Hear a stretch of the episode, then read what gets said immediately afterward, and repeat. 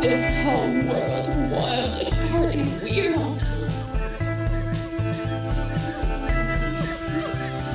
Goedenavond allemaal, welkom. Fijn dat jullie eh, hier zijn. De talkshow serie Wild at Heart is nummer drie. We hebben de eerste gehad, dat ging over rewilding. Eigenlijk terug back to de oernatuur.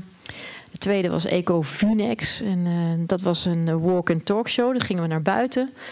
Ehm, en waren wel veertig mensen. En eh, het was een zoele avond. En we liepen helemaal eh, buiten rond. En ontdekten dan dat er overal om je heen natuurlijk ook natuur is. En eh, over een maand hebben we Eco Love. Nou, dat wordt natuurlijk ook een hele mooie show. En nu Eco Techno. En dat is natuurlijk eh, misschien een contradictie. eh, technologie, eh, je zou zeggen, dat is weer heel iets anders dan de natuur. Die is trouwens ook een samenwerking met de Floriade. Want daar is natuurlijk ook een hele prachtige. Het gaat natuurlijk ook over natuur, maar ook de beheerste natuur. En een kunstafdeling. En hier ehm, zou je denken van wat heeft techniek ehm, met natuur en omgekeerd. En daarvoor zijn twee topkunstenaars uitgenodigd. Helene Blanke en eh, Jelle Korvaar. En een filosoof, Julia Rijzenbeek. Zeg ik het zo goed? Oh, doe ik het nou goed? Ja, sorry. Ehm, en ik ga als eerste Helene even ondervragen. Helene, fijn dat je er bent. Ja, dankjewel. Ehm ik hoorde je net wat zeggen en dat wil ik niet laten liggen. Jij bent begonnen als VJ. Ja. Vertel, ja, hoe, hoe ben jij in die... Je hebt wel kunstacademie gedaan. Ja, ik heb beeldende kunst gestudeerd. Is het goed te horen? Je moet goed in de microfoon. Eh, op de Rietveld. En eh, dat was een hele fijne tijd. En ehm, ja, ik kwam, Iets dichterbij. eh, ik kwam eigenlijk daarna... ehm, eh, ja, voelde ik mij meer aangetrokken tot de nacht en tot het lege canvas daar. Ehm, Want en- wat had die nacht? Nou ja, die heeft wel iets heel moois en heel soort van... Ja, alles is nog mogelijk. En het is een soort van ongeschreven, eh, ja, onbeschreven blad. Dus ik kon En je daar- bent ook eh, anoniem, hè? Dat is iets... Ja, eh, precies. En ja, ik had daar natuurlijk ja, prachtige canvassen. En dat, dat waren clubs, maar dat waren ook loodsen. Dus ik kon ongelooflijk veel experimenteren. Eh, ja, met schaal en met site-specific werken en dat soort dingen. Dus eh, dus daar maakte je werk voor, eigenlijk voor, Ja. voor al die optredens, eh, min of meer bij, Ja. de, bij de DJ's. Ja, ik heb AV-shows gedaan en ik heb eh, nou ja, heel veel gereisd. Ehm, en het was fantastisch. En, Goed, ja. dat was het nachtleven. Ja, Maar het gaat ook over, over de natuur. En op een gegeven moment ontdekte je ook de natuur. Ja, nee, zeker. Nou ja, ik was altijd al inderdaad in die, in die technoavonden die eh, in Club Trouw eh, waren. Daar plaatste ik eigenlijk altijd in die lege eh, loods natuurbeelden. Dus ik bracht Aha. de natuur altijd binnen daar. in, in hele soort van donkere, als een soort venster naar buiten. Ehm, ja, Dus, dat was al meteen een inspiratiebron. Ja, zeker. Ja, dat is altijd zo geweest. Ja. Ehm, en dat is eigenlijk zo doorgeëvolueerd, denk ik. Want nu, ehm, ik heb twee jaar geleden werk van jou onder andere gezien in Next, hè, Museum voor Digitale Kunst. Dat was ook de eerste expositie. Dat heette Habitat. Daar, Ja. hebben, we, daar hebben we beelden van. Mhm. dat is echt zomergast, hè? daar hebben we beelden van. Ehm, laten we even kijken. Maar je mag ook wel even een beetje Ja. vertellen hoe, Oh ja. wat, wat is het voor werk? Zonder geluid eh, is prima dan. Ja, Ehm, ja, nou ja, Habitat is eigenlijk een eh, datagedreven werk... wat ik samen met Naivi eh, heb eh, ontwikkeld. En ehm, wij hebben een... eh, ehm, ja, we hebben eigenlijk een... eh, een soort setting gecreëerd waarbij ehm, ja, je de vraag kan stellen van hoe, hoe is het als wij een, straks de natuur alleen nog maar kunnen archiveren ehm, en het op een, op een andere manier beleven. En, en niet eh, meer de real thing. niet meer het echte. Dus bijvoorbeeld, eh, het- ik was ook geïnspireerd omdat ik ergens. ehm, ik liep in, volgens mij was het Haarlem. En daar mocht ik alleen nog maar door hele kleine gaatjes door een muur kijken. Om, eh, om, om de vogels daar te zien en om het natuurgebied daar te zien. En het is niet zeg maar zo ehm, eh, dystopisch dat ik, dat ik, dat ik, dat ik eh, eh, heel negatief beeld wilde schetsen. Maar ik wilde wel de vraag stellen van ehm, eh, hoe is het als we straks inderdaad alleen maar, maar, maar in digitale vorm de natuur om ons heen kunnen ervaren. En, ehm, en ja, ook kunnen wij in, in de digitale wereld diezelfde ja, datzelfde sublieme eh, evenaren. Als, Want wat eh, is het sublime? Wat voel je nou als je door de is- natuur loopt? Het is, ik, ik denk dat je jezelf moet kunnen verhouden tot iets groters dan jezelf. Wat je misschien niet zozeer eh, ehm, eh, begrijpt in, volle, in, in de volle lading, maar waar je je heel nietig bij voelt. Dat is natuurlijk gewoon heel een oud principe. Maar het is ook ehm, af en toe dan denk ik ook. ehm, het is natuurlijk ook heel erg een soort, bijna een soort consumeren van, van, van een soort ervaring of zo. En, maar die natuur die is daar helemaal niet voor ons gemaakt. Die is daar gewoon. En wij mogen er, zeg maar, ja, wij mogen dat aanschouwen. En als ik zeg, wat, hoe omschrijf je, wat is natuur voor jou? Want het kan natuurlijk een, een, een parkje zijn, of het kan de sterrenhemel zijn, Ja. of het kan een, een wild bos zijn. Ja, dat, dat, is, dat, is, dat is eigenlijk. eh, dat is natuurlijk ook de vraag van wat is natuur? Want, want ehm, eh, zoals wat ik in de abiosis inderdaad ook wel een beetje. En abiosis is het werk wat in de Floriade Dat te is- zien is. ja, Gaan we zo direct naar kijken. Oh ja. Dit is Ja. eh, habitat, hè? Even op de achtergrond. Het is wel leuk, als, eh, misschien heel zacht het geluid erachter horen, kan dat? Dat is natuurlijk wel leuk qua audio-effect. Ja. Vertel, dus wat- wat- is dit, ja? Nou ja, dit, dit is eh, echt filmbeeld. Wat ik eh, eh, totaal geabstraheerd heb. Eh, er is geen perspectief meer. Er is geen onder of boven of links en rechts. En water stroomt van boven naar beneden. Het is een soort waterval van alle kanten, ja, hè? Precies. Dus het is, het is eh, eh, behoorlijk geabstraheerd. En toch, kijk, je ziet het nu niet zo heel goed door de, doordat het niet scherp genoeg is. Maar ehm, ja, je ziet gewoon steeds kleine blaadjes bewegen. En, eh, eh, dus het voelt heel echt aan. En, en de input van de applicatie, die, dat is ook allemaal echt beeld. Dit is bijvoorbeeld ehm, mos op een boomstronk. En die is dan zo vervormd dat het bijna een soort eh, ja, psychedelische ervaring wordt. Ja. Ehm, en eh, ja, daar wel- heb ik een beetje mee gespeeld. Ja. Van, eh, totaal onher, oh, zeg maar onherkenbaar geabstraheerd, maar toch voel je dichtbij. Alsof je echt dicht bij de natuur bent. Ja, of dat het wel ehm, eh, herkenbaar is. Het hè? is dus je hersenen herkennen wel Die- dat, die dingen. En toch is het, is het nieuw. En ik weet, als je erin liep, het, reageerde ook op bezoekers volgens mij, toch? Klopt, ja, ik heb, die, ik heb, de, ik heb, de, ehm, ik heb sensoren geplaatst in de, in de ruimte. En ehm, dat was heel erg het, ja, een beetje spelen met, eh, met een soort psychologisch effect van dat mensen altijd dingen willen controleren. En je hebt natuurlijk ook van die hele datagedreven kunstwerken dat je dan zo doet en dan gaat er een vlindertje. Ja, je steekt nu je hand op, ja. Ja, oh, ik steek mijn hand op. dat er een vlindertje naar je toe of een visje. En ik wilde daar juist mee spelen om eigenlijk een beetje on- oncomfortabel te maken. Van, want wij, wij hebben dus zeg maar allemaal delays gebouwd in, ehm, in die sensoren. Ehm, dus eigenlijk als iemand die sensor aanraakte, activeerde die iets daadwerkelijk in de applicatie. Want die is helemaal, die werd op dat moment geschreven, zeg maar. Ehm, maar eh, een andere bezoeker ziet dat misschien. En, en, en mensen weten eigenlijk helemaal niet wat er verandert. En dat, eh, dus eigenlijk waren die sensoren een beetje ja, puur daar om het concept eh, uit te leggen. Dat mensen niet. ehm, eh, dat, dat, dat ons effect op de natuur ook gewoon eh, in delays gebeurt. En Ja. dat wij eigenlijk uiteindelijk ons over moeten geven aan, eh, aan die natuur en het helemaal niet moeten controleren. En zijn wij onderdeel van de natuur? Ehm, ehm, ja, dat vind ik echt best wel een moeilijke vraag. Ik, ik, ik zou het heel graag eh, willen zeggen van wel. Ik vind alleen nog niet dat we dat mogen zeggen. We mogen dat niet zeggen. Nee. Waarom niet? We zijn te veel Ja. die natuur aan het controleren of eh, te Ja, onderdrukken. Of... Ik, ik, ik denk niet dat we bepaalde aspecten van de natuur op waarde eh, schatten. Dat ligt misschien aan cultuur en aan ons hele eh, ingeprente kapitalisme en al dat soort dingen. Eh, maar we, we beseffen niet wat het allemaal in zich heeft. Als je bekijkt wat er vandaan kan komen, wat er, wat er, wat er voor medicijnen in zitten. Ehm, wij, wij zijn er zo ver eh, vanaf dat we, dat we het niet begrijpen. We begrijpen het grote systeem niet. Ehm, als je inderdaad, eh, weet je wel, naar James Lovelock eh, kijkt, die dan over de... de Die Gaia. Oh, sorry, ik Go. ben ineens... Toch Gaia of de... Gaia-theorie, inderdaad. Dan denk ik van ja, het is een levend wezen. En in Die aarde wordt gezien als één groot superorganisme? Superorganisme. En in principe zijn wij er dan dus deel van.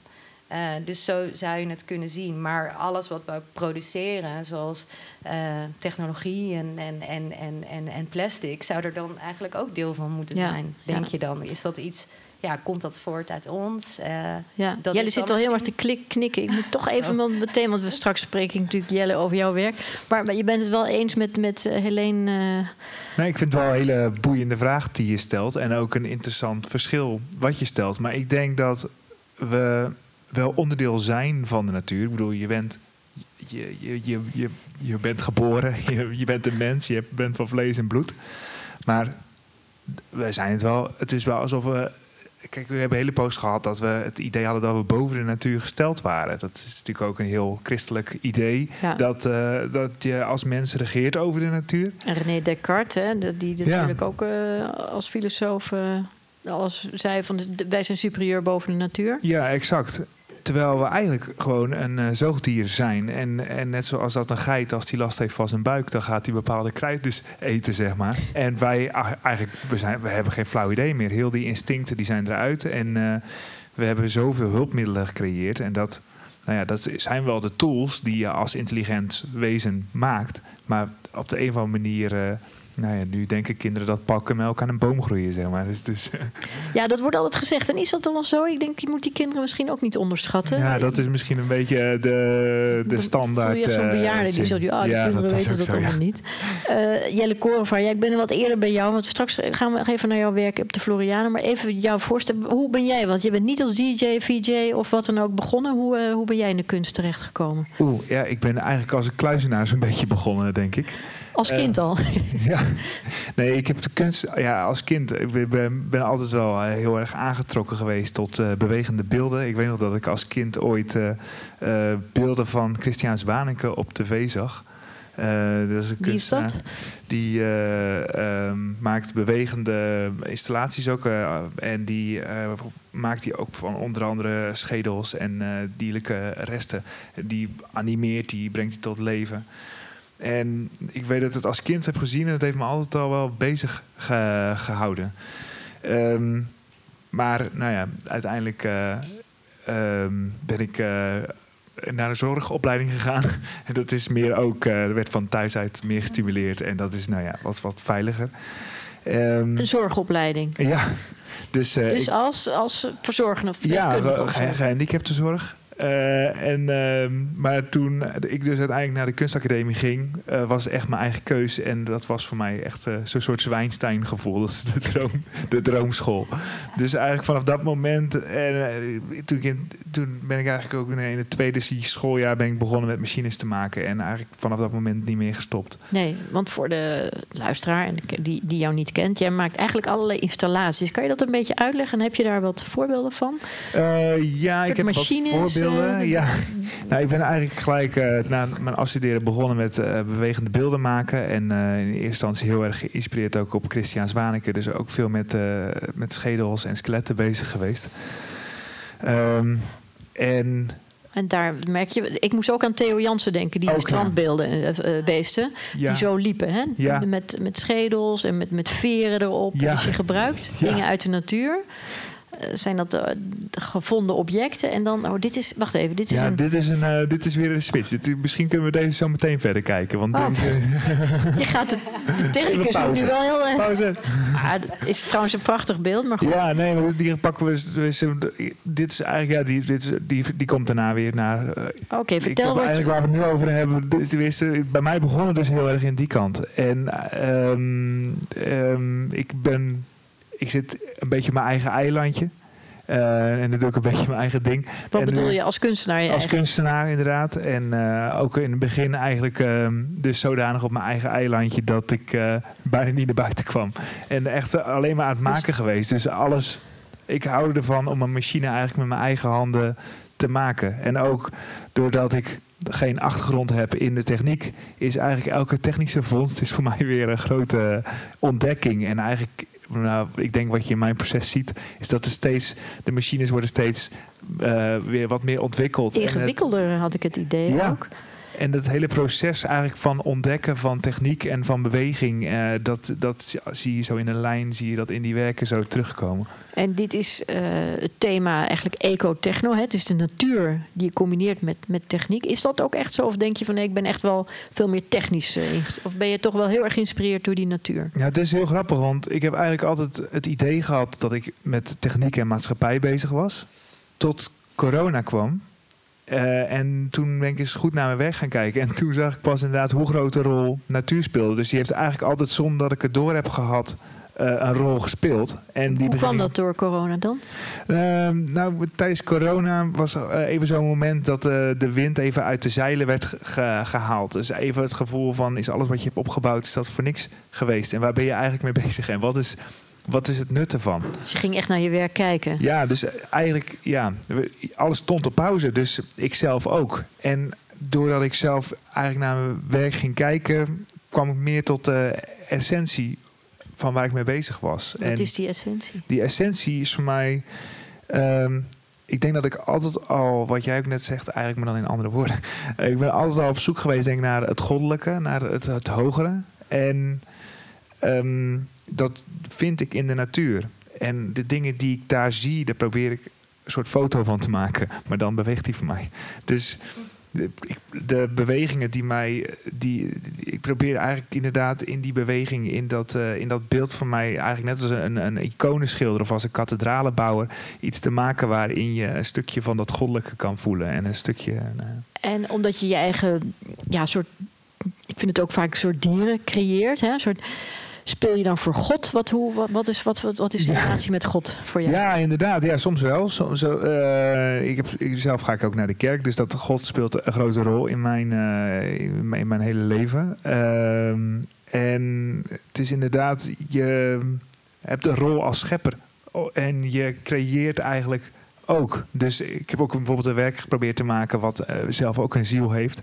Eh, en eh, dat is een beetje de zoektocht van nou, wat is een ziel? Ook vanuit de gedachte van nou, we hebben nu al, als je hemel hebt en aarde als twee realiteiten, zijn we er al in geslaagd om een derde digitale realiteit erbij te creëren. Die net zo veel impact heeft als, als een ziel. Als je beroofd wordt online, dan word je ook echt beroofd. Dus Mhm.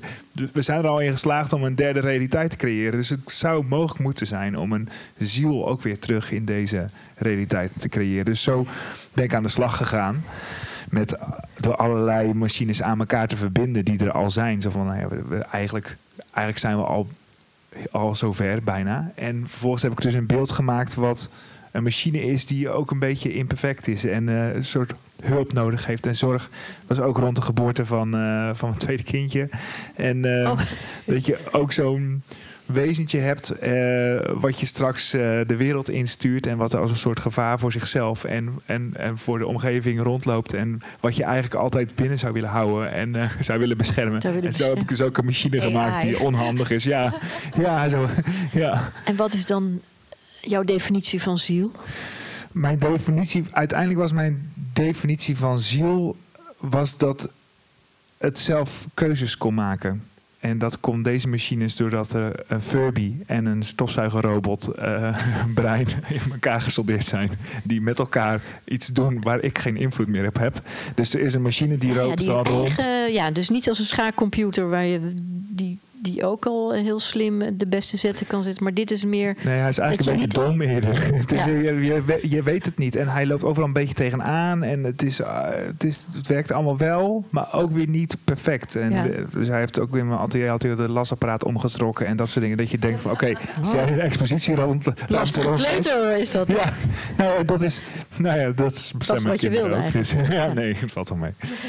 Even terug naar Helene, want ehm, eh, we, we zouden het hebben. Je hebt dat, dat werk Habitat. Dat, wat ik begreep, waar we het net over hadden. Dus is een soort, soort gecreëerde werkelijkheid of een natuur voor als wij die niet meer zouden kunnen zien. En da- Ja. daar wil je die beleving weer hetzelfde, eh, ja, eh, hoe zeg je dat? Kan je beter zelf formuleren. her- ja, her- herscheppen eigenlijk. En kijken of dat, eh, of dat eenzelfde soort ja, ervaring op, oplevert. En wat als- leverde dat ook op? Nou ja, ik, het, het- wat het mooie was, is dat ik natuurlijk met die sensoren dat, dat, dat een beetje een psychologisch vraagstuk aan tipte. En dat mensen eigenlijk best wel ja, een beetje geïrriteerd waren van waarom doen die sensoren. dus dat is ook wel niet? herkenbaar eigenlijk Ja. met, met, met, Ja. met wat... eh, Ja, zo van, eh, maar Ja, dat dat ze doet- dus uiteindelijk zich overgaven aan het soort van spectacle. Of, eh, en dat dat heel meditatief ging werken. Dus eh, mensen kwamen er eigenlijk. eh, eh, ja, terwijl het wat, wat, wat moeilijkere vraagstukken aantipte, zonder eh, heel belerend te zijn of een soort van heel erg eh, zo van zo moet jij je voelen, ehm, eh, liepen ze toch weg met een soort eh, ja, prettig gevoel, geloof ik. ja, het had ook wel die, wat de natuur dus kan doen. Precies. Even ja. naar jouw werk op de Floriade. Eh, abiosis, vertel Ja. eens, wat, hoe ziet dat eruit? En daar hebben we ook beelden van, hè? Ja, eh, nou ja, dat is een, ik denk het grootste werk wat ik ooit heb geproduceerd. Oh ja? Met alle haken en ogen die daarbij kwamen Je kijken. had natuurlijk een fantastische plek om, ja, iets te... precies. En nou ja, gemaakt, nou ja, gecreëerd door Wart, die hier ook is. In een water. Ja, Bart Jans is hier is curator van eh, de, eigenlijk de kunstafdeling Van de van, kunst- Floriade. Ja. Eh, we zien hier, ja, beschrijf het maar Nou ja, even, we- want voor de luisteraars is het ook leuk. Nou ja, we, we zien hier eigenlijk een, eh, een mechanisch wezen. die midden in het water staat. En ehm, om het mechanische wezen is een luchtveld, een matrix gemaakt, die aangestuurd wordt door eh, eh, 100 compressors, 50 compressors. En eh, wij kunnen dus schrijven in het water. En er zijn allemaal verschillende soorten patronen die daar dan eh, komen. En er staan gijzers, er liggen eilanden, die, die floten daar een beetje. En ehm, ja, het werk is eigenlijk, eh, eh, het is een beetje een soort artistieke weergave van de oersoep. Dus omdat we het net over de God hadden, heb ik mijn eigen kleine universumpje gecreëerd.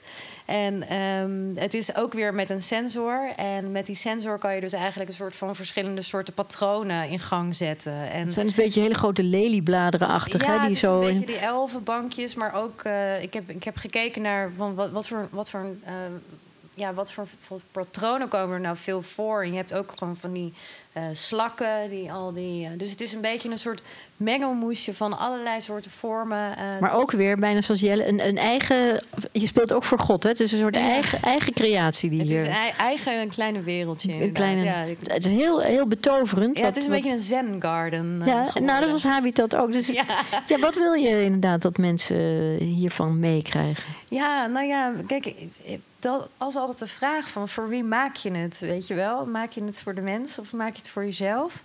Ehm, ja, dat zijn gewoon dingen die ik wilde maken. En, en, en, en Dus voor jezelf. nou ja, misschien wel, maar ook wel ehm, eh, omdat ik het gevoel heb. Kijk, eh, de wereld ziet er op dit moment niet zo heel erg goed uit. Eh, soms, ja, dat is gewoon, dat is gewoon zo, denk ik. Ehm, en dan vraag ik Zit op ramkoers, dus het... ja, precies. En dan vraag ik me soms af van wat kan ik dan doen of zo. En het enige wat ik dan als kunstenaar kan doen is, is bepaalde scenario's schetsen of juist eh, inderdaad eh, eh, iets moois meegeven waar je ja, in ieder geval meer respect krijgt voor het systeem waar je in leeft. Want- dat, ja, dat is denk ik wat ik met abiosis wilde. Een soort inzicht eh, in van hé, hey, dat is eigenlijk heel bijzonder. En heel, Eh, heel technisch, heel technologisch, Heel maar, wel, technologisch. maar wel in die natuur. Ja. Dus dit- die combinatie heeft het echt nodig. Zeker, ja. En het is natuurlijk de vraag, het speelt ook met de, met, met de vraag van wat is dan natuur? Eh, is, is, is technologie en dingen die uit ons voortkomen, dat is misschien ook gewoon natuur. En misschien moeten we ons daaraan overgeven. En uiteindelijk, wat Lovelock dan ook zegt, eh, eh, eh, juist die technologie inzetten om die, die complexe systemen te begrijpen. En, en uit te rekenen. En als we dat dan uiteindelijk met eh, AI kunnen, kunnen, eh, ja, kunnen duiden en, en dat full-on kunnen inzetten, dan zou er een mogelijkheid kunnen zijn dat er een soort symbiose is tussen. Dat wordt nu ook een beetje gezegd hè, bij die stikstofcrisis. We kunnen met technologie Ja. eigenlijk heel veel doen. Maar we begrijpen het niet. En het is ook heel complex. Want als je hier eh, iets doet, dan gebeurt er daar, eh, gebeuren er allerlei dingen waar we gewoon wat we niet kunnen zien. Eh, of wat pas over tien jaar gebeurt. Dus Ja. het is zo groot. Daar, moeten we, ja, daar hebben we in ieder geval heel veel rekenkracht voor nodig, denk ik. Jelle, Ja. eh, ben je het mee eens? Julia, ik kom zo bij jou. Hè? Eh, dat de techniek eigenlijk ook een soort onderdeel van de natuur... want dat, dat bedoel jij, Helene, of niet? Ja, Is- ik, ik denk dat ja, heel lang heeft techniek tegenover de natuur gestaan. Net zoals met de industriële revolutie en eigenlijk de olie die we uit de grond getrokken hebben en altijd hebben gebruikt. De manier van groeien, die is altijd tegenover natuur geweest. Maar we komen nu op een punt dat je ehm, dat die twee samenkomen juist. En dat, dat is ook iets wat ik in mijn werk heel interessant vind. Dus dat je ook kijkt naar eh, biomimicry eh, en naar ehm, ehm, ook wat ik interessant vind is eh, bijvoorbeeld dat ehm, Elon Musk nu bijvoorbeeld eh, in varkens een chipje heeft kunnen aanbrengen zodat hij kan de, de signalen die een varken dus eh, eigenlijk el- elke hersenpuls is een stroomsignaaltje. Dus eh, dan kan hij dus zien wat die varken met zijn snuit aan signaaltjes oppikt. En dus zo zou, die dus, zou je dus chips kunnen gebruiken om dus blinde mensen weer te kunnen laten zien. En de meest extreme dingen. Dus we zijn al nu al bezig om die techniek en die natuur eigenlijk dwars door elkaar heen te laten lopen. En Eh. eigenlijk alles weer zelf te kunnen creëren. We kunnen even, Ja. want jij hebt werk en dat wil Ja. je net laten zien. En dat lijkt namelijk een beetje, toch wel, op dit werk in de, eh, Ja, ja, hoop. van Helene. Want dat is waar we net naar keken. Dat is een, een soort waterput, stel ik me voor. Maar Ja. het was in, op een klooster, geloof ik. Hè? Dit is een waterput in een klooster. En dit eh, Heel was. goed bij eh, jou, gelovige. Ja, absoluut. Ja. Maar mocht je ook eh, exposeren? ja. Nee, En we kijken nu, we horen het ook een beetje. Het zijn een soort blaadjes van eh, metaal. Ja, en over, over de blaadjes druppelen heel onregelmatig eh, druppelt er water op. En van blaadje naar blaadje rolt die druppel dan waardoor het blaadje kiepert. En eh, waardoor die het licht reflecteert op verschillende manieren. En waardoor ook de blaadjes tegen elkaar aanklingelen. Waardoor er een soort van nou ja, heel... ja, bijna een soort spirituele ervaring eigenlijk ontstaat. Je- Het was, eh, die Ook heel meditatief eigenlijk. ja, heel meditatief. En dat, eh, gelukkig werkte dat ook zo uit. Want uit- uiteindelijk eh, moesten de suppose zeggen dat er niemand meer op de rand mocht leunen. Omdat heel de bovenste rand was ingestort. Ehm, dus dat, dat was iets heel moois. Dat je Ja. dus, en eigenlijk een beetje dat idee van in dat vuur staren. Of, eh, nou ja, en, en net zoals met, nee, met, ik zag die put daar zo dus bij dat klooster staan. En ik vond het zo zielig dat hij heeft ooit is hij heel belangrijk geweest. En, Als waterput. Ja, en dus ik heb En zat weer- er dus nog water in? Of Nee, nee, je- nee, heb ik zelf eh, een stalen bak ingezet, ja.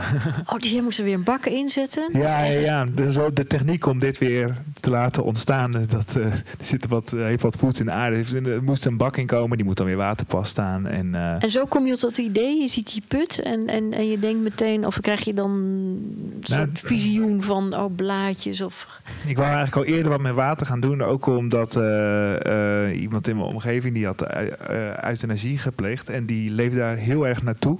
En dat bepaalde voor mij eigenlijk al, die hoopte daar zo erg op dat voor mij het begrip hoop heel vloeibaar was geworden. Wow, ja. Dus dat ik iets met water ging doen, was voor mij daarmee al bekend. En dat eh, ook omdat hoop iets is wat aan de ene kant, eh, het is heel dun en, en heel onrealistisch. En tegelijkertijd heeft het de kracht om een, een huis omver te, te blazen. En de, dus de, dat hele onvatbare vond ik heel boeiend van hoop. En ook dat krioelerige en dat, eh, dat groeiende en dat... Fluïde letterlijk Ja. van, eh, van Ja. water. Ja. En het is eigenlijk ook meer ehm, een gevoel die ik in een beweging probeer vast te, te, leggen eigenlijk op zo'n moment. Dus nou ja, dan wordt de techniek eigenlijk voor mij meer dienend om iets vast te leggen eh, wat ik alleen maar kan voelen, zeg maar. Die gebruik je dan. En wat, wat wil jij als, als kunstenaar betekenen? Eh, ik denk vooral in deze tijd waar we het net ook over hadden. Het is nu een behoorlijk eh, chaotische en heftige tijd. Waarin er heel veel dingen gebeuren die, waar je heel moedeloos van eh, kan worden. Ehm, en ik denk dat mijn taak nu is als kunstenaar om een beetje licht te, te schijnen. Ehm, en dingen te maken waar je van kan genieten. En tegelijkertijd wel dingen aan te, te, stippen. Dus in de toekomst ga ik nog aan de gang met koraalriffen en dat soort dingen. En waar ook nog genoeg problemen mee zijn die we allemaal niet zien. Ehm, Dus ik wil het wel over dingen hebben, maar meer ook eh, op zoek gaan naar een opbouwende manier om, uh, om met de problemen om te gaan. Dus ik ben nu ook met een aantal socia- sociale werkplaatsen bezig die met Kom je eh, toch een beetje in jouw eh, vak. ja, ja, ja, ja, ja, ja, inderdaad. Met mensen met een verstandelijke beperking en die halen dan bij snackbars en zo de mayonaise emmers op en die verpulveren ze. En ik wil eigenlijk vanaf nu eh, met dat materiaal beelden gaan maken. Dus dat kun je weer persen in nieuwe vormen. Mooi. Dus in plaats van dat ik nu, ik wil eigenlijk geen nieuw materiaal meer gaan gebruiken. Maar dus eigenlijk iets wat. ehm, ik, wil, ik wil de problemen die we nu zien, eh, de, de oplossingen erin vinden. En dus als iets positiefs weer presenteren. Mooi. Ik ga naar onze derde gast. Eh, die natuurlijk heel lang moeten luisteren, maar dat is volgens mij wel iets wat bij jou past. Julian Reis, een beetje met filosoof, onderzoeker, Universiteit Wageningen. Wageningen. Kan je een beetje vertellen wat, je, ja, wat jouw eh, expertise is en wat je onderzoekt? Ja, ik heb genoten hoor van dit gesprek. Echt, ik heb allemaal aantekeningen gemaakt. Ik zie een heel klein boekje voor je. Ehm, ja, ik, ik doe onderzoek naar synthetische biologie. En eh, vanuit de filosofie doe ik dat. En dat is eigenlijk het veld waarin ze proberen om leven of biologie na te bouwen of zo te beïnvloeden dat het bepaalde dingen doet die wij willen. Dus denk aan genetische modificatie of het bouwen van celletjes. Of, eh, Of ook een, een kunsthart of zo maken? Of is dat ja, een... ook heel veel medische toepassingen. Ehm, maar het gebeurt in ieder geval allemaal in het lab, wat een hele technologische setting is. Eh, en ze proberen eigenlijk, eh, het is anders dan de biologie, waar, waarin echt wordt beschreven wat, wat, wat je ziet in de natuur. Dus een, meer een descriptieve wetenschap. En in de synthetische biologie proberen ze, proberen ze het echt te synthetiseren. Dus het samen te stellen van nieuwe levensvormen. En dat is ook is, voor eh, God spelen daar. ja, dat, en dat werpt, werpt zoveel vragen op natuurlijk. Niet alleen ethische, maar ook van conceptuele. Wat betekent het? Wat betekent natuur? Wat is leven? Wat is biologie? Eh, en dat komt daar allemaal samen daar in dat lab. Eh, dat fascineert jou. ja, dat fascineert me mateloos. En eh, ik kom, ook net terug van drie maanden eh, meelopen in een lab. Welk lab? Waar? In, eh, in, de, in de Verenigde Staten Oh. was dat. Daar zijn ze heel ver met deze ontwikkelingen. Ehm, en ik wilde heel graag met die wetenschappers zelf praten over wat voor een beeld zij dan hebben van die cellen en die micro-organismen en die schimmels en die tissues waar ze mee werken. Of ze dat levend materiaal vinden, of ze dat een waarde vinden hebben ten opzichte van dode materiaal, of ze dat En hadden ze over die dingen nagedacht? Of was het meer door jou? ja, zeker. Dus het, is, het raakt dan allemaal heel veel dit soort vragen. Alleen hebben ze vaak niet de tijd om erover na te denken. dus het was, eh, eerst was het een beetje, wat kom je doen? Je bent filosoof, je bent geen wetenschapper. Wat kom je doen in ons lab? En al heel snel was er een fascinatie en was er een open gesprek... en was er, eh, waren mensen heel enthousiast.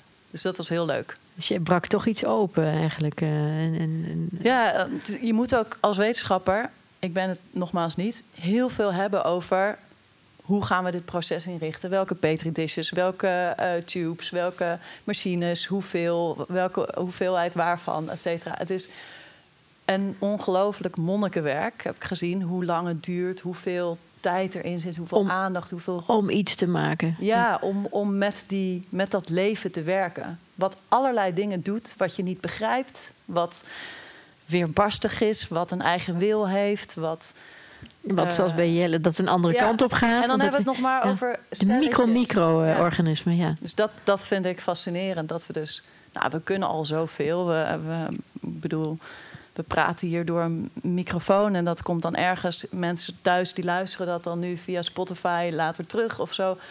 Maar hoe een cel werkt, hoe een cel echt werkt, ja. de bouwsteen van al het leven, dat weten we eigenlijk nog niet. Nee, Dat vind ik fascinerend. nee, nee, zoals de loodgieter laatst in zei, ze kunnen mannen op de maan zetten, maar dit eh, weten ze niet. maar vanuit kunst is het weer wat anders, want je werkt dus heel erg veel met wetenschappers. Ja. Of werk je ook veel, kijk je heel veel, want dit zijn kunstenaars die dus heel erg ook op een bepaalde manier dus met, met die technologie werken. Hoe kijk je naar hun werk? Ja, ik, ik denk dat dat eh, een mooie missie is om bezig te zijn met verwondering opwekken voor datgene wat we zo voor lief nemen vaak. Dus eh, mensen denken misschien niet vaak genoeg over na. Van, ja, we weten allemaal dat we in een klim- klimaatcrisis zitten, maar wat betekent dat? Dat er hele leefomgevingen, ecosystemen, soorten allemaal verloren gaan. Wat betekent dat? Dat voelen we misschien niet. En als je in de stad woont, dan zie je natuurlijk de bomen en je ziet af en toe geweldige wolkenpartijen. En als je geluk hebt, zie je soms wat sterren. Ehm, maar het verwonderen over de natuur, die momenten zijn wat schaars. En dan is het heel mooi als we de kunst hebben om dat uh, op te roepen. Om die verwondering. Ben sowieso van de kunst en zo'n werk van, van Helene. Dat je dus inderdaad eigenlijk helemaal betoverd wordt. Tenminste, dat had ik inderdaad. Echt die ervaring hebt alsof je gewoon ongeveer bij zo'n waterval staat. Wat, wat vind je daarvan? Is dat een goed idee? Want zij zegt natuurlijk hè, van nou, straks kan het misschien niet meer. Ja, ik moest heel erg denken, er is één ehm, wetenschapper waar ik ook mee heb gesproken. En dat is eigenlijk de grondlegger van synthetische biologie. En hij heet George Church. En hij probeert Goeie naam. nu... Uh, ja, geweldige naam. Uh, zoek hem op. Het is een fascinerend uh, persoon. Hij probeert nu de mammoet terug te brengen. En waarom ik dit zeg is... Je kan natuurlijk voorstellen dat je maar tot op een, op een bepaalde hoogte kan je iets reproduceren. Wat er in natuur. En dat noem jij ook van. Dit is geen replica van de natuur, maar ik probeer in ieder geval te abstraheren en de suggestie te werken. En, um, en wat Jelle daarna zei, dat is ook waar tegelijkertijd. Dus we kunnen het niet en tegelijkertijd, we komen wel steeds dichterbij. Dus er zijn wel zoveel ontwikkelingen in de wetenschap dat we steeds meer kunnen en uh, met technologie veel afdwingen. Dus daar zit een hele interessante spanning. Tegelijkertijd kunnen we niet alles begrijpen, kunnen we niet alles vatten wat, er, wat natuur is of wat natuur dan ook betekent. een heel moeilijk begrip trouwens. er zijn allerlei filosofen mee bezig. En tegelijkertijd komen we wel steeds dichterbij, want onze kennis neemt toe over wat leven is of wat biologie is of wat. Uh, ja, maar je hoort natuurlijk ook vaak weten, hoe meer ik weet of hoe meer ik me verdiep, bijvoorbeeld in die micro-organisme-wereld die steeds meer te ontdekken valt, uh, hoe minder ik weet. Dus elke ja, keer dus dat, dat, hè? Ja. Die grootheid is. Uh, pff, nou, dat, dat viel me op als ik met wetenschappers sprak. Dat ze zeiden ja, en elke keer dan zijn we een stap verder in het proces. En dan komen we weer voor nieuwe vragen te staan. Als, wetenschappers is de, als wetenschapper zijn is dat misschien vervelend. Maar ik vind dat dus prachtig. Want dat betekent filosoof, voor ja. mij dat er dus iets is wat niet in een model te vatten is. Maar dat is toch het mysterie van het leven? Ja, dus, dat, dus dan gaan we even terug naar uh, de mysterie, mysterie van het leven. Dus we leven eigenlijk in een tijd dat we heel modern leven en denken dat we eigenlijk alles kunnen controleren. Daar hadden we het net ook over.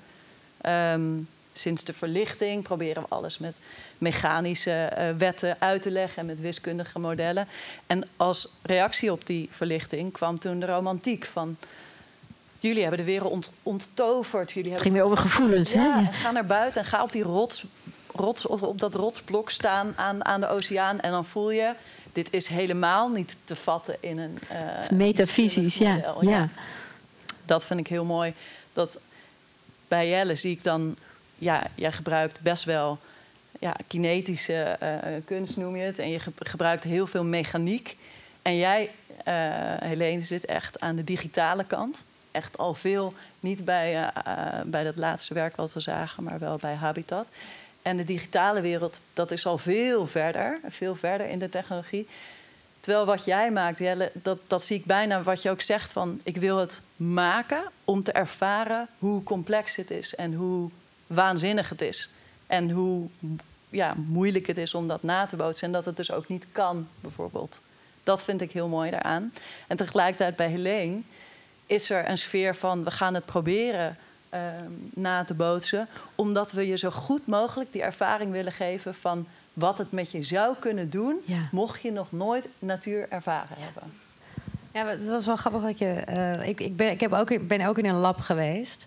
En ik heb daar weken door microscopen gekeken. En, uh, Wekenlang ook. Nou ja, echt drie weken daar geweest. En alleen maar zitten filmen en dat soort dingen. En, uh, Heel psychedelische nou, dingen zie je ja, dan, Nou ja, en dat is ook eigenlijk de aanzet geweest van Habitat. Een van de aanzetten. Omdat ik daar eigenlijk allemaal, allemaal wiskundige digitale patronen zag. Dus eh, dan ja, je kan je natuurlijk afvragen wat Elon Musk af en toe druk, dro- dropt van uh, leven we in een simulatie. Uh, want zelfs het biologische materiaal bestond uit fractals, uit nou ja, wiskunde. En dat vond ik eigenlijk juist zo mooi. Het is niet zozeer dat ik het na wil bootsen, maar het is meer van volgens mij zit daar iets. En dat is magie. En, en, en wiskunde is natuurlijk te berekenen door al die wetenschappers. Het, het lijkt uh, te begrijpen. Maar eigenlijk kom je weer steeds achter dingen die gewoon bizar zijn. En, en, ja. ik denk die magie, dat, dat is ook het stukje waar ik inderdaad heel erg op aansla. Dat, uh, um, en wat jij ook zegt, dat stukje van dat je altijd vragen kan blijven stellen en dat je het uiteindelijk uh, niet bevat. En ik denk ook dat dat stukje van een machine maken en dat er dan een product komt, een soort van het hele gerichte, dat, um, dat kennen we nu. En ik merk dat ik nu in die zoektocht zit van hoe kan ik die machine weer iets laten doen wat mij verrast. Eigenlijk. Dus dat heel bewust op te zoeken waar dan waar die machine niet meer doet wat ik, wat ik ervan wil waar je nu mee bezig bent, hè, met die, die machine, soort dat hij dus zijn eigen ziel zo geheten heeft. Ja, ook ja, ja. En ook bijvoorbeeld door, uh, nou, dat is in het werk school wat even langs flitste, dat je uh, balletjes aan hele lange touwtjes Koortjes, hangt, zie je die? waardoor ja. het gaat sweepen en doen en waardoor er dingen gebeuren die je niet meer kan controleren. En dat zijn ook weer van die bewegingen, dat is gebaseerd dan op een school vissen die om elkaar heen draait, maar uiteindelijk draaien moleculen ook om elkaar heen en uh, planeten draaien ook om elkaar heen. En dat is misschien ook weer aansluitend bij uh, die vormen, die uh, geometrische vormen en de hexagon en dat soort dingen, die altijd overal weer terugkomt. En wat, nou ja, dat, is een bepaalde magie en, de, en iets heel groots, wat je dan een soort van kan overvallen. En die momenten dat, nou ja, dat, die, die jaag ik na. Dat, uh, ja, geniet dat vind ik van. ik wel mooi om, om ook van jou te horen van. Want hoe?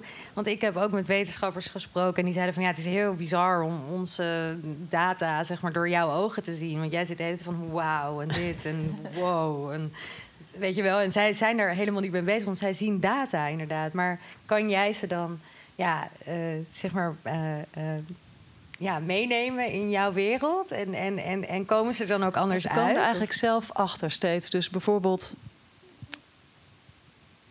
Heel lang was het idee na, uh, van... oké, okay, het leven kunnen we vatten in informatietermen. Dus ook als je het hebt over Lovelock... van hè, de wereld is een superorganisme. Dat James Lovelock. Dat, ja, dat alles met elkaar verbonden is. Dat betekent dus ook dat alles in een soort cybernetisch systeem te vatten is. Dat zou uiteindelijk kunnen betekenen dat we de feedback loops kunnen ontdekken en dus de wetmatigheden kunnen ontdekken. En dan komen we uiteindelijk bij controle. Ja. Dus dat is, da daar is heel veel kritiek op dat beeld. Tegelijkertijd zegt James Lovelock ook van het is een superorganisme waar jij onderdeel van bent en wat zoveel groter is dan jij, dat jij nooit kan geraken bij controle over dit ding. Want Ja. jij bent daar onderdeel van. Dus dat, ehm, dat roept je steeds terug. Maar ehm, toch is dat, zijn die analogieën van IT-metaforen en van machines en van computers, die zijn helemaal doorgedrongen in eh, dit soort velden. Dus we praten vaak over cellen alsof het levende machientjes zijn. Of we praten over ecosystemen alsof het eh, ja, alsof je het helemaal als een soort spreadsheet kan opdelen. Met deze soorten heb je en dit zijn de resources, et cetera. En al die metaforen die, die zijn natuurlijk beperkt ergens. Ja.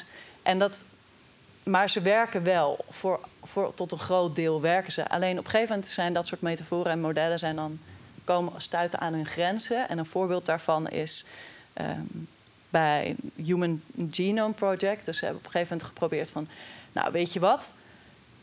Het leven heeft allemaal, eh, bestaat allemaal uit informatie. Dat zit in onze genen. Wat nou als we die genen allemaal kunnen ehm, ja, decoderen? Dan kunnen we eigenlijk hebben we de blauwprint van het, eh, de blueprint van het leven hebben dan. En dan kunnen we eigenlijk daarmee aan de slag en dingen aanpassen en ziektes, eh, erfelijke ziektes eh, Eruit halen, maken, ja. et cetera. En dat was een enorm project. En dat is, heeft heel veel, tot heel veel inzichten geleid. Maar vooral tot inzicht geleid van ja, niet alles is te vatten in informatie. Dus er is ook heel veel epigenetica. Dus je hebt niet alleen maar de genetica, dus die genetische informatie, maar heel veel valt daar ook buiten. En hoe kan dat dan? En wat is dat dat daar buiten dan valt? En hoezo verandert een organisme ook omdat de omgeving verandert en niet per se doet het dat wat voorgeschreven is in de software die ingebouwd is. Dus al die machinemetaforen, die schieten ook steeds weer tekort. En dat is dat Maar- maar- weten die mensen uit dat veld als geen ander. Ja. Van, En, en dat zijn de- allerslimste van de aarde. Zijn wij gewoon überhaupt niet gewoon te beperkt om dit hele leven inderdaad te bevatten? Maar dat, zegt, dat Ja, vraag ik ik- aan een filosoof natuurlijk. Hè? Ja, ik, ja, wat, wat het mooie is aan, aan eh, dat tweede werk van jou, van de oersoep, dat is natuurlijk fascinerend. Er wordt echt geprobeerd in heel veel laboratoria om een soort oersoep te creëren en te kijken van kunnen we leven herscheppen? En dat kan nog niet.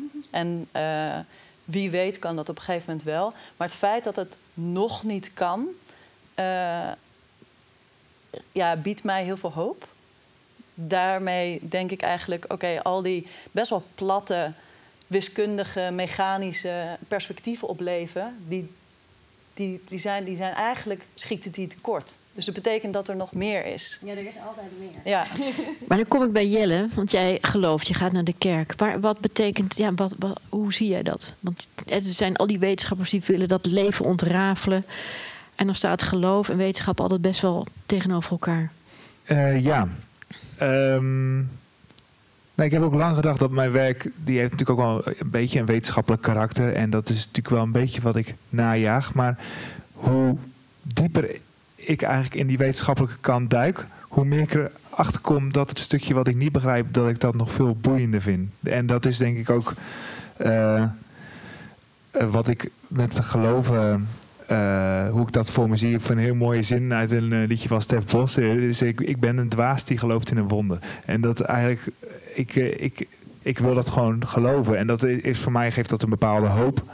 Ehm, en ik denk ook dat het geloof iets heel moois en verbindends heeft. Eigenlijk de kern van de kerk is heb God lief boven alles en je naast als jezelf. En ik denk, als ik, als ik zo werk kan maken, als, als, zo de kern, als ik zo de kern kan maken, dus weer beelden kan maken rond die verwondering, en dat we dat allemaal niet begrijpen. Dat zou ik zo boeiend vinden. Want we begrijpen zoveel zo goed nu. We hebben overal meningen over en ehm, we snappen ook heel veel. En we hebben ook heel veel in de hand. Maar dat maakt ook dat we zelf heel veel keuzes moeten maken, mogen maken. Ehm, maar die, nou ja, soms ook, we hebben niet meer iets groots wat ons daarin samenbindt. En dan vind ik het fijn om weer al die mysteries te horen. Dat je samen eh, een soort van, nou ja, dat je er samen weer die grote, dat, dat hele grote, dat je weer net zo'n romantisch schilderij voor die grote zee komt te staan. ja, dus dat vind ik ook heel interessant als ik hier even op in Nee, mag graag. haken. Dat eh, aan de ene kant schets je een absurdisme. Dus je hebt eh, Camus die zegt... de mens die dolt rond in een, in een wereld en hij vraagt constant... maar de wereld zwijgt. Dat is een mooi eh, beeld van... je kan blijven vragen en er wordt niet een antwoord voor jou gegeven. Je moet het echt zelf bedenken. Dus eh, hebt, life has, it, has its eh, mysterious ways. En, en God gaat jou ook niet de hele tijd aan de hand nemen. En tegelijkertijd zit er in de natuur wel degelijk heel vaak een soort normatief karakter. Dus we zeggen heel vaak, natuur heeft een intrinsieke waarde, is van grotere waarde dan iets wat niet natuurlijk is, wat kunstmatig is, wat, wat door de mens is gemaakt, wat technologisch is. Dus we zetten wel een Vaak soort... die natuur op een hogere plek. Ja, en we, we dichten daar een, een waarde aan toe. Ehm, tot zover dat we zeggen... we moeten gaan leren van de natuur. Want daar zitten hogere lessen en waarden in... eh, dan wat wij kunnen met ons nogal simplistische, misschien technologie tot nu toe. Ja. Dus de, aan de ene kant, en wat, dat zei Helene ook heel mooi... ja, het geeft, het is daar gewoon. Die natuur is daar gewoon. Het is er helemaal niet voor ons. En tegelijkertijd geeft het ons een soort moreel kompas van... misschien moeten we daar echt heel goed naar kijken... en heeft het zeker wel een waarde en een, geeft het ons een normatief handvat. Om, we- om zeker in die tijd zonder God niet rond te dolen, zonder enige richting. Dus eigenlijk de natuur als een soort god te zien, als een soort opperste wezen waar wij dan wel onderdeel van zijn en, en veel meer meeleven hè, met die natuur. Dan komen er misschien weer. Komt het misschien toch nog goed met de wereld? Helene? Nou, behalve als, eh, als AI uitgroeit tot iets eh, groters dan de natuur. Als we het uiteindelijk. eh, dat is natuurlijk wel spannend, vind ik. Eh, kijk, we, we, zijn nu AI en dit is nu natuurlijk al onze data komt daar nog in. Dus wij kunnen dat op een gegeven moment. wij kunnen dat tot op heden nog controleren. En als ik dan inderdaad mijn coder vrienden spreek, die zeggen van ja, eh, AI. Dat is echt, eh, Artificial intelligence, hè, voor de luisteraar die ja, even... eh, dat is nog verre van dat het, dat het die parabolische sprong kan maken, zeg maar. Maar ehm, ja, ik zie dat wel. het doet me een beetje denken aan een soort. ken je het verhaal van Asimov, The Last Question? Het doet mij daar Ja, erg, ja, aan denken. Het is een heel mooi verhaal, twaalf pagina's. En het gaat heel erg over de, de mens die, die vraagt wat eigenlijk het doel is van het bestaan. En dat blijft zich herhalen. En op een gegeven moment zijn ze in de cloud eh, als een soort van zoemend geheel. En eh, los van fysieke eh, ja, fysie- fysiekheid. En die vraag blijft hetzelfde. Ehm, eh, ja, dat, dat vind ik heel mooi. Maar zo vind ik het wel mooi om te eindigen. Wat is voor jou het doel van het bestaan, Helene? Ja, ik denk Het mag gewoon... ook heel luchtig zijn hoor. Ja, nou ja, het doel van het bestaan is. is eh, ja, ik denk gewoon eh, continu, eh, continu blijven leren en blijven groeien. en, en van je vrienden houden en van je familie houden. En dan gaan we dood en dan zijn we weg. Nou, dan ga ik nu naar Jelle. Ja, het komt wel overeen met. eh, ja, ik denk, eh, heb je naast lief go- eh, als jezelf en God boven alles. Vind ik wel mooi dat je uiteindelijk zorgt dat je iets toevoegt aan datgene waar je bent. En God zien in die natuur. Is, kun je ja, zie ik in de vinden? natuur, absoluut. Ja, dat, ik- dat is de schepper, de, de grote kunstenaar, zeg maar. Dus dat is dat stukje. Daarin zie, je, zie ik hem. En daarin kom ik dat stukje tegen wat ik niet eh, begrijp. En je ploetert gewoon een beetje. Ja, en ik denk die natuur die blijft wel bestaan, maar die spullen die ik maak, die gaan weg. En, en eh, de, de dingen, die ik- geld wat ik verdien, dat verdwijnt. Alleen de mensen die ik nu ken, die, dat blijft. En, en de natuur. Tot slot, Julia. Ja, ik ben ehm, agnost, laat ik maar niet atheïst zeggen. Eh, dus ik heb meer eh, ja, absurdistische of eh, existentialistische invulling. Dus ik denk wel dat we gaan geen vragen krijgen van een hoger iets. Ook geen richting. En toch zou het voor mij wel het doel zijn om echt te voelen dat dat wat je doet nu, dat dat telt. Dat vind ik belangrijk. Hele mooie slotwoorden. Julia Rijzenbeek, filosoof. Helene Blanke en Jelle Korenvaart, twee kunstenaars. Dank jullie wel voor deze prachtige woorden allemaal. Eh, ik ben André Verpol. Dank jullie publiek voor deze aflevering van Eco, The Wild at Heart. En het was Eco Techno. Dankjewel.